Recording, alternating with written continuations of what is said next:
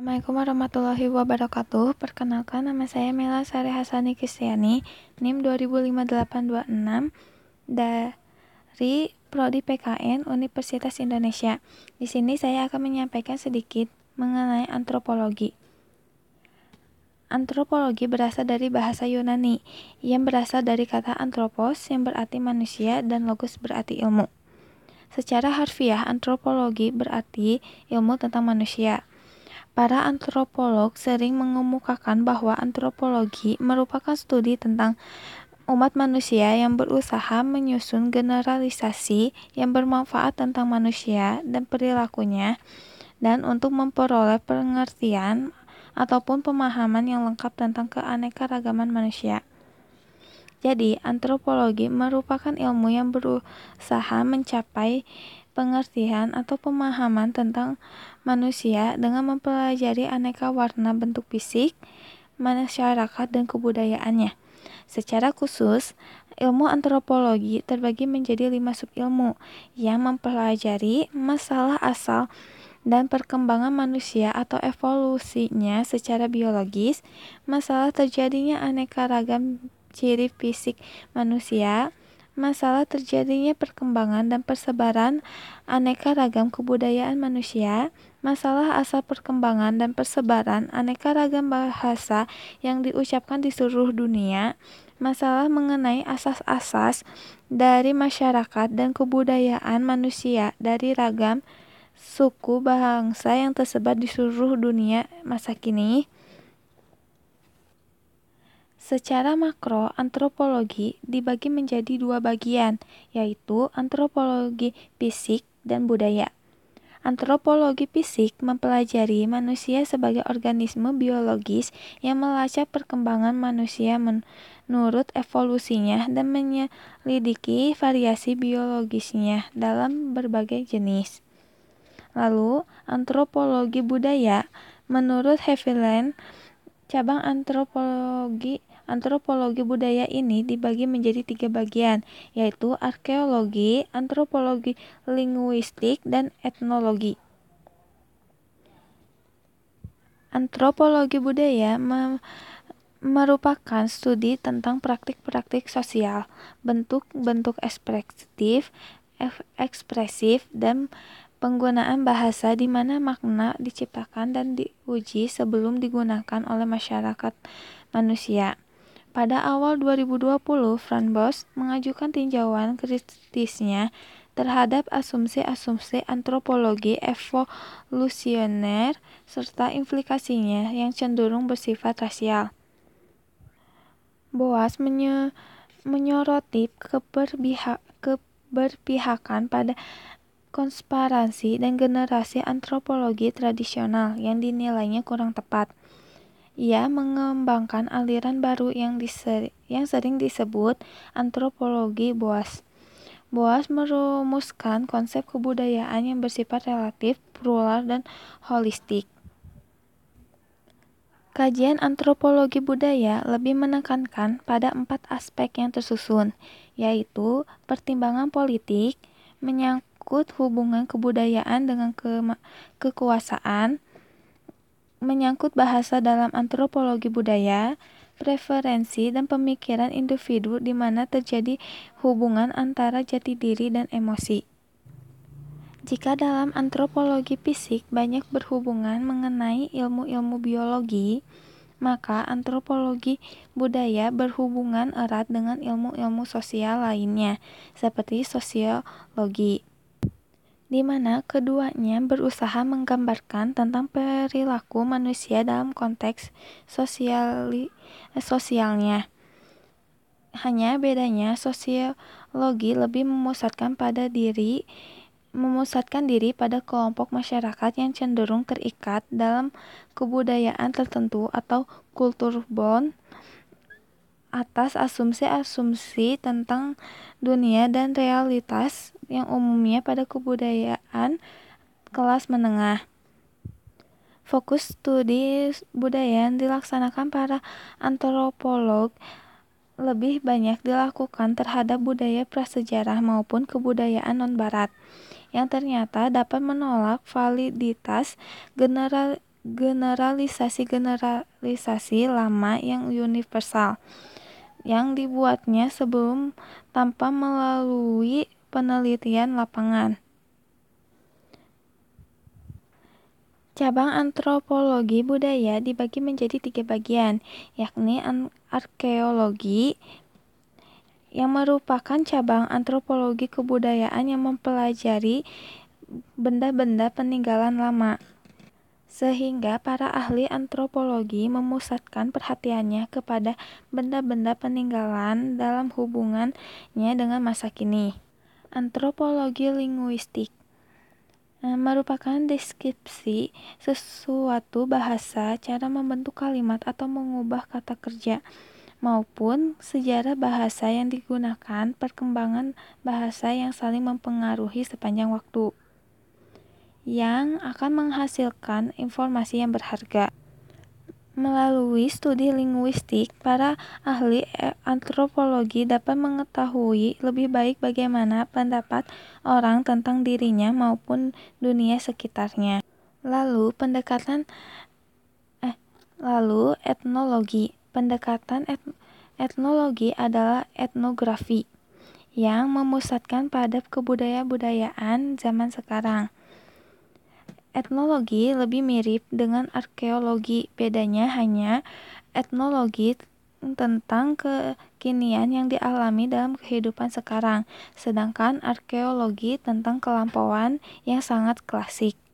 Dalam catatan etnografis menyediakan dokumentasi yang kaya dengan keanekaragaman budaya manusia. Antropologi pada hakikatnya mendom mendokumentasikan kondisi manusia pada masa lampau dan masa kini. Secara keseluruhan yang termasuk bidang-bidang khusus secara tematis dalam antropologi lainnya selain dari antropologi fisik dan kebudayaan adalah antropologi ekonomi, antropologi medis, antropologi psikologi, dan antropologi sosial. Antropologi ekonomi merupakan cara manusia dalam mempertahankan dan mengekspresikan diri melalui penggunaan barang dan jasa material.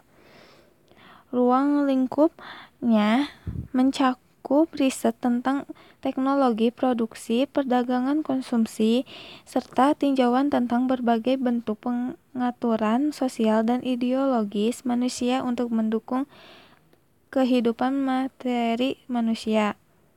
Para ahli antropologi ekonomi mencoba memadukan pengetahuan modern dan non-modern dengan pendekatan dualisme ekonomi dalam semua materi antara produksi untuk diri sendiri dan produksi untuk orang lain. Untuk tipe yang pertama disebut dengan perekonomian komunitas, sedangkan yang kedua disebut dengan perekonomian pasar. Perekonomian komunitas dibentuk atas dasar asosiasi seperti rumah tangga, kelompok kekerabatan, lingkungan pemukiman, serta pengrajin, sekte keagamaan, desa-desa, dan sebagainya. Kepemilikan bersama merupakan prinsip yang sangat penting. Nah, itu ter terdapat di perekonomian komunitas. Sedangkan perekonomian pasar sebaliknya dari perekonomian komunitas, di mana terjadi persaingan antara pembeli dan penjual. Dalam hal ini, semua pihak berhubungan untuk memperoleh keuntungan. Melalui aktivitas tersebut, perekonomian pasar menjanjikan efisiensi alokasi sumber daya. Lalu antropologi medis. Antropologi medis ini membahas mengenai hubungan antara penyakit dan kebudayaan yang tampak mempengaruhi evolusi manusia, terutama berdasarkan hasil-hasil penemuan pale, pale, pale, paleopatologi. Lalu antropologi psikologi yaitu mengkaji tentang hubungan antara individu dengan makna dan nilai dengan kebiasaan sosial dari ke dari sistem budaya yang ada. Adapun ruang lingkupnya sangat luas dan menggunakan berbagai pendekatan pada masalah kemunculan dalam interaksi antara pikiran, nilai, dan kebiasaan sosial. Antropologi sosial dikembangkan oleh James George Fraser di Amerika Serikat pada awal 20 pada awal abad ke-20. Antropologi sosial mendeskripsikan proyek evolusionis yang bertujuan untuk merekonstruksi masyarakat primitif asli dan mencatat perkembangan melalui berbagai tingkat peradaban. Para ahli antropologi sosial lebih terbuka terhadap berbagai ide dari bidang-bidang disiplin lain, termasuk psikologis dan linguistik secara interdisipliner. Para ahli antropologi sosial pun memiliki kontribusi terhadap kajian-kajian penelitian terapan atas berbagai persoalan seperti hubungan etnik, imigrasi, efek medis, ketetapan pendidikan, dan pemasaran. Prancis merupakan salah satu negara e Eropa Barat yang secara gigih memberikan pengaruh kuat terhadap perkembangan antropologi sosial di Eropa. Tujuan dan kegunaan antropologi tujuannya adalah untuk memperluas arena perbandingan di samping untuk me untuk merekam berbagai budaya sebelum budaya-budaya itu lenyap.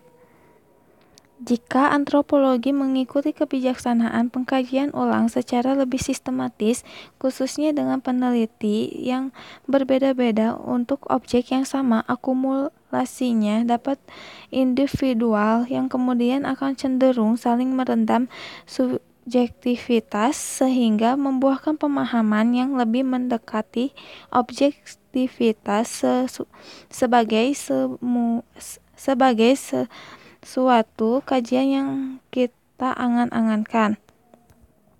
Di antara ilmu-ilmu sosial dan alamiah, antropologi memiliki kedudukan, tujuan, dan manfaat yang unik karena bertujuan dan bermanfaat dalam merumuskan penjelasan-penjelasan tentang perilaku manusia yang didasarkan pada studi atas semua aspek biologis manusia dan perilakunya di semua masyarakat dan bukan hanya masyarakat Eropa dan Amerika Utara saja. Disiplin antropologi yang kita kenal merupakan produk peradaban barat yang, barat yang relatif baru. Dalam sejarah lahirnya antropologi, perkembangan ilmu tersebut melalui suatu tahapan yang panjang.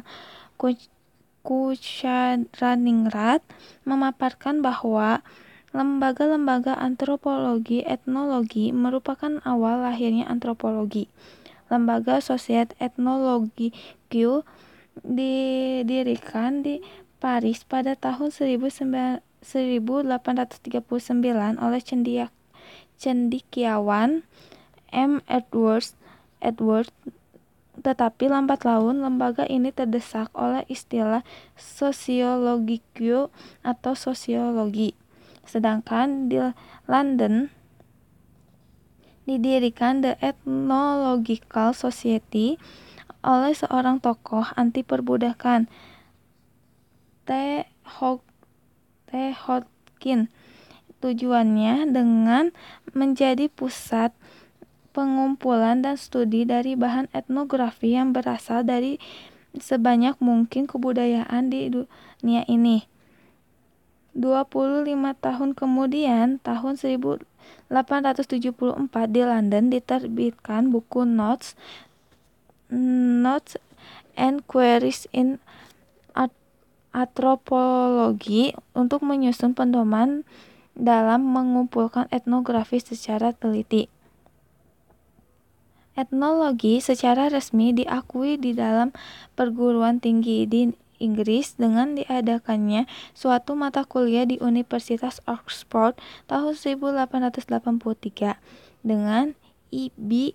Taylor sebagai dosen pertamanya. Taylor adalah seorang ahli arkeologi yang mendapatkan pendidikan sastra tentang peradaban Yunani dan Romawi kuno. Taylor sang banyak berdasar dalam mengembangkan antropologi pada tahun 1871. Ia menulis Research into the History Mankind. Tampak pendiriannya sebagai penganut evolusionisme. Sedangkan karya yang terpenting adalah Primitive Culture Research into the Development of Mythology, Psychology, Religion, Language, Art, and Custom. And custom. Di samping itu, ia menulis tentang evolusi keluarga dalam bukunya On the Method, Method of the Investigating the, the Development of, of Intuition. Ia mengemukakan bahwa keluarga berevolusi dari sistem material matriarchat ke tingkat patriarchat, suatu pendirian yang mula-mula berasal dari J.J. Beethoven. Di Amerika Serikat, etnologi diakui secara resmi dengan dibukanya Department of Archaeology and Ethnology di Universitas Harvard pada tahun 1888. Di Eropa, istilah antropologi sosial menjadi umum dan di, dan mencerminkan pengaruh dari tradisi Durkheim dalam sosiologi. Di antaranya yang mempe, yang dipengaruhi oleh Marxis dalam dasawarsa 1960-an dan 1970-an. Namun sejak pertengahan 1980-an, pendekatan sosiologi yang bersifat individualis menjadi populer.